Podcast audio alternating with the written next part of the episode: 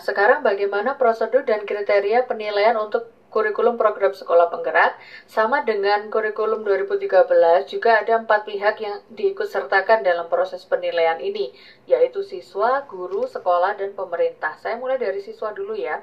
Siswa itu sambil belajar itu juga ternyata menyelenggarakan yang namanya asesmen formatif.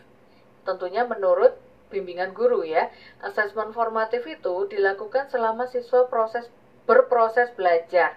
Jadi e, karena di PSP itu tidak dikenal kompetensi dasar, yang ada adalah capaian pembelajaran yang dibagi menjadi genre-genre teks, lalu masing-masing genre teks terbagi menjadi lima keterampilan berbahasa. Jadi pada saat siswa mempelajari suatu keterampilan berbahasa, dia itu sambil melakukan asesmen formatif dalam bentuk penilaian diri dan juga penilaian teman sejawat. Nah, instrumennya antara penilaian diri itu yang bagaimana, penilaian teman sejawat itu yang bagaimana akan Ibu jelaskan dan kita praktekkan nanti pas masuk ke materi penyusunan instrumen non-test.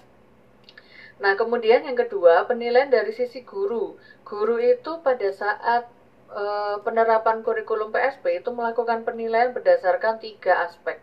Yang pertama, asesmen diagnostik itu dilakukan sebelum proses pembelajaran dilaksanakan. Ya, jadi bentuknya bisa berupa pretest. Kemudian kalau asesmen formatif itu dilakukan selama proses pembelajaran terjadi. Jadi pada setiap kompetensi apa tuh namanya karena tidak ada kompetensi dasar ya. Yang ada adalah genre teks lalu masing-masing genre teks dibagi lagi menjadi keterampilan-keterampilan berbahasa. Jadi pada saat siswa mempelajari setiap keterampilan berbahasa itulah kemudian guru itu melakukan asesmen formatif. Kalau asesmen sumatif itu dilakukan yang ketiga, guru melakukan asesmen sumatif. Asesmen sumatif itu dilakukan di akhir uh, apa di akhir proses pembelajaran. Jadi bentuknya bisa penilaian proyek, ulangan harian dan juga UTS. Kalau penilaian proyek itu dilakukan pada saat materinya itu bersifat praktik. Jadi misalnya berpidato, ceramah, mendongeng, musikalisasi puisi, nah itu penilaian proyek. Kalau ulangan harian itu dilakukan untuk materi yang sifatnya teori, konsep, ya. Kapan melaksanakan penilaian proyek dan ulangan harian itu terserah guru. Apakah setelah satu genre teks selesai atau dua genre teks selesai baru penilaian proyek dan ulangan harian itu terserah guru. Kalian masih ingat kan waktu menyusun RPE itu ada 10 JP yang bisa digunakan guru untuk memberikan ulangan harian dan penilaian proyek kan. Nah, itu yang dimanfaatkan. Jadi terserah guru mau setelah satu atau dua atau tiga teks baru penilaian proyek atau ulangan harian itu terserah guru. Nah, kalau UTS itu juga penilaiannya dilakukan setelah akhir proses pembelajaran, namun pelaksanaannya diatur oleh kalender sekolah. Kalian masih ingat waktu baca kalender sekolah itu ada di sana disebutnya bukan UTS tapi PTS sama saja ya. Intinya ujian yang dilakukan di tengah-tengah semester. Nah, kemudian kalau untuk sekolah yang dilakukan adalah menyelenggarakan asesmen sumatif. Sumatif itu di akhir. Namun, kalau yang menjadi tanggung jawabnya sekolah itu adalah asesmen sumatif di akhir semester atau yang disebut dengan UAS. Jadi sebelum masuk ke semester berikutnya itu UAS dulu gitu ya. Kemudian menyelenggarakan juga ujian sekolah. Kalau ujian sekolah ini sebagai uh, biasanya dilaksanakan di kelas uh, apa?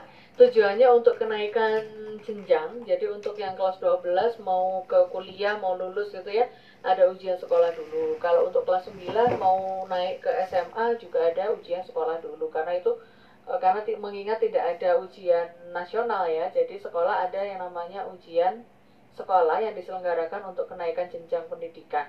Selain ujian sekolah juga ada AKM, namun pelaksanaannya kalau AKM itu SMP dilaksanakan di kelas 8, sementara SMA dilaksanakan di kelas 11. Detailnya seperti apa AKM akan Ibu jelaskan di minggu ketiga karena itu ada materinya sendiri ya.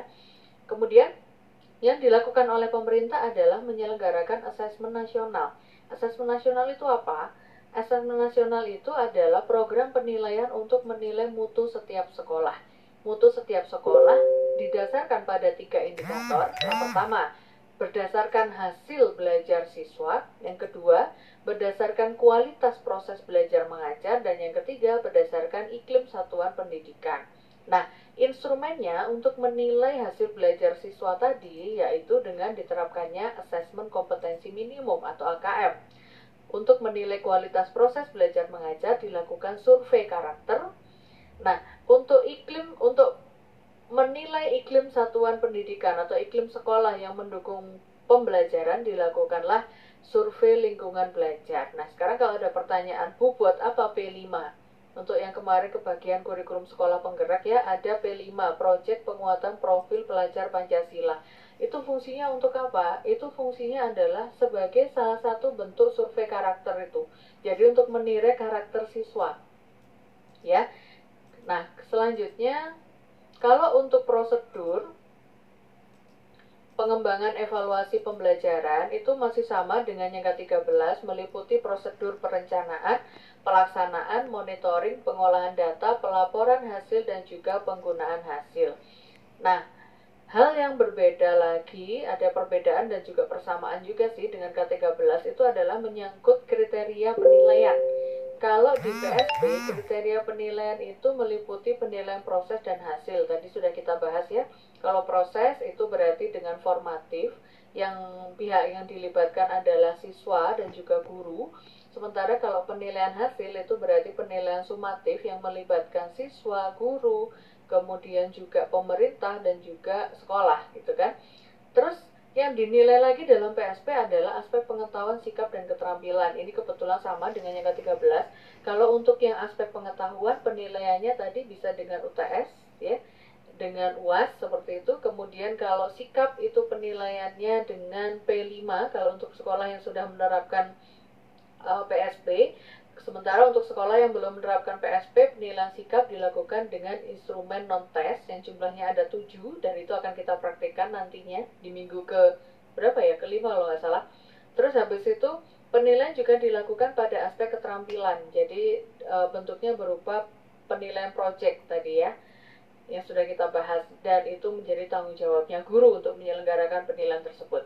Kemudian penilaian dalam kurikulum PSP juga dilakukan pada aspek CP atau capaian pembelajaran dan tujuan pembelajaran mengingat di PSP tidak ada KD. Yang ada adalah capaian pembelajaran yang dibagi menjadi gender text dan masing-masing gender text dibagi lagi menjadi lima keterampilan berbahasa.